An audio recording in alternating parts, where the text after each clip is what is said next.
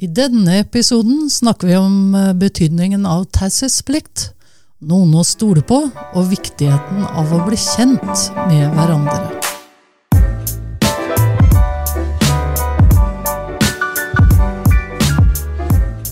Så er vi på temaet stole på personalet.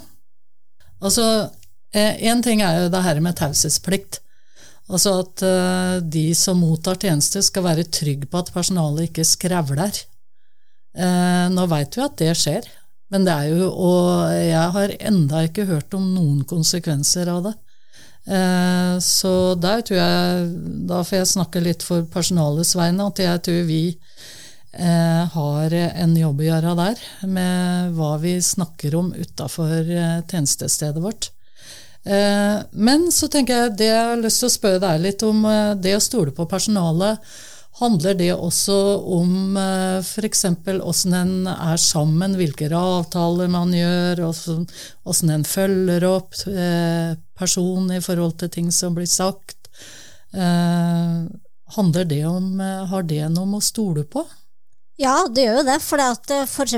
hvis du gir en beskjed til personalet at du eh, jeg er ikke hjemme da og da, eller andre avtaler, eller jeg skal ikke ha middag da, eller, eller noe sånt noe, så, eh, så, er det jo viktig at man stoler på at de gir beskjeden videre, eller skriver i boka, eller, eller noe sånt. Mm. Og at hvis man har en avtale at de skal komme til deg da og da, at du stoler på at de, at de virkelig kommer. At ikke du venter en halvtime lenger at de ikke gir beskjed om at du, jeg var litt opptatt med en annen bruker, eller jeg måtte Men jeg kommer så fort jeg kan.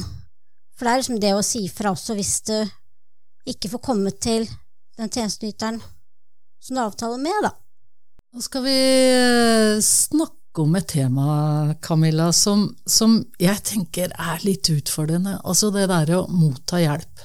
Eh, jeg opplever jo fra Altså min erfaring er jo at jeg syns jo de folka jeg møter med utviklingshemming, de er jo fantastiske til å ta imot hjelp. Og de er jo eksperter på oss som yter hjelp, for de veit jo Det er jo de som har erfaringa, sant.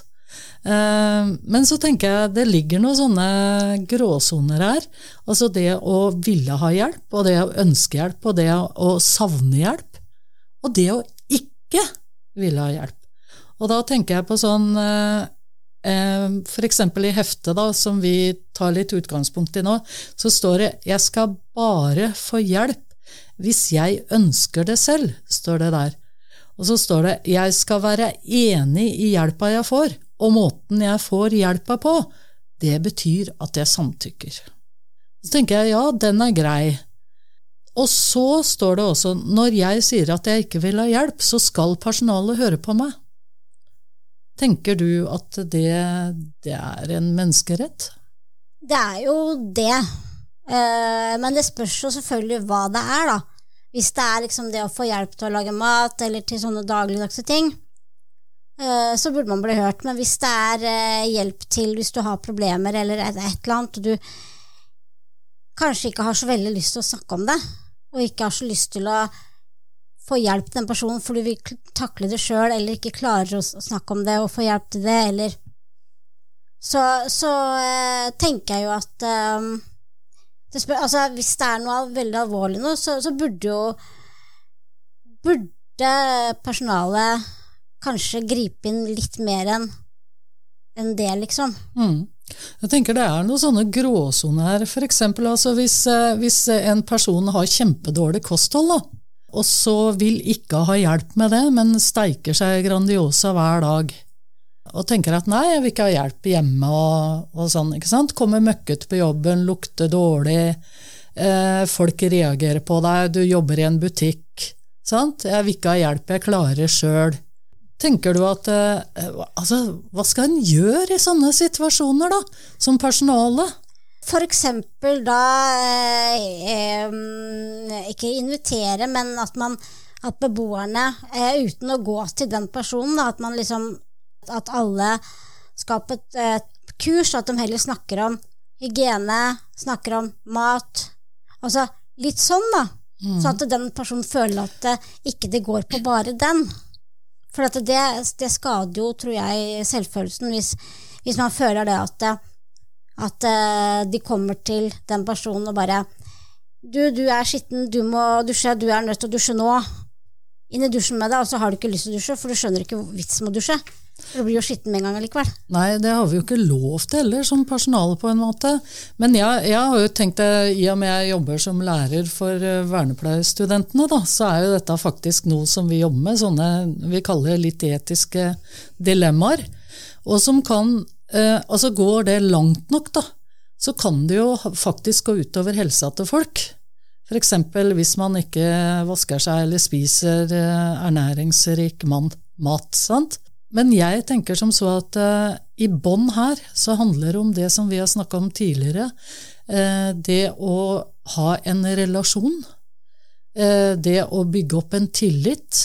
For jeg tenker at hvis det ikke er tillit f.eks. mellom deg og meg, da, så er ikke du så veldig interessert i å høre hva jeg sier. Sant? Men hvis du har tiltro til det jeg sier, du stoler på meg, du veit jeg vil deg godt, sant? og det har vi funnet ut av sammen. Kanskje vi har tatt en tur på kafé og skravla om alt mulig. Vi har tatt en tur på, på puben eller på kinoen eller hva nå det er, og så har vi fortalt eh, om livet våre. Du om ditt, jeg om mitt, og så har vi blitt kjent. Jeg det er et veldig godt utgangspunkt for ja. å takle sånne ting. Hva tenker du om det? Jeg tror det på en måte fordi at eh, eh hvis man f.eks. kjenner hverandre godt og er trygg på hverandre, eh, så kan f.eks. Eh, den som eh, skal yte tjenester, da, kanskje si det at eh, du, jeg ser at du kanskje bare du spiser veldig mye pizza eller noe sånt nå. hva med at jeg kommer til deg to-tre ganger om i uka, og at vi lager mat sammen, for eksempel? Mm, eh, tøft. Eller, eller at det eh, hadde ikke vært litt fint å vært litt rein når du skal på klubben. Ja, det, det Ja altså, Når det gjelder dusjing, da. Altså, altså, altså, altså liksom på en måte få personen til å ha lyst til å ja. eh, At det liksom Ja, men det er så mange fine damer på klubben, eller det er så mange fine gutter på klubben. Mm. Eh, altså, vil du ikke pynte deg for den, eller prøve liksom på en måte å Vet du hva, jeg har opplevd noen ganger, Camilla, og det, nå må du gjerne arrestere meg, men eh, når jeg sjøl har uh, hjelpa folk som trenger hjelp, eh, så har jeg noen ganger måttet være det jeg kaller litt sånn ubehagelig ærlig.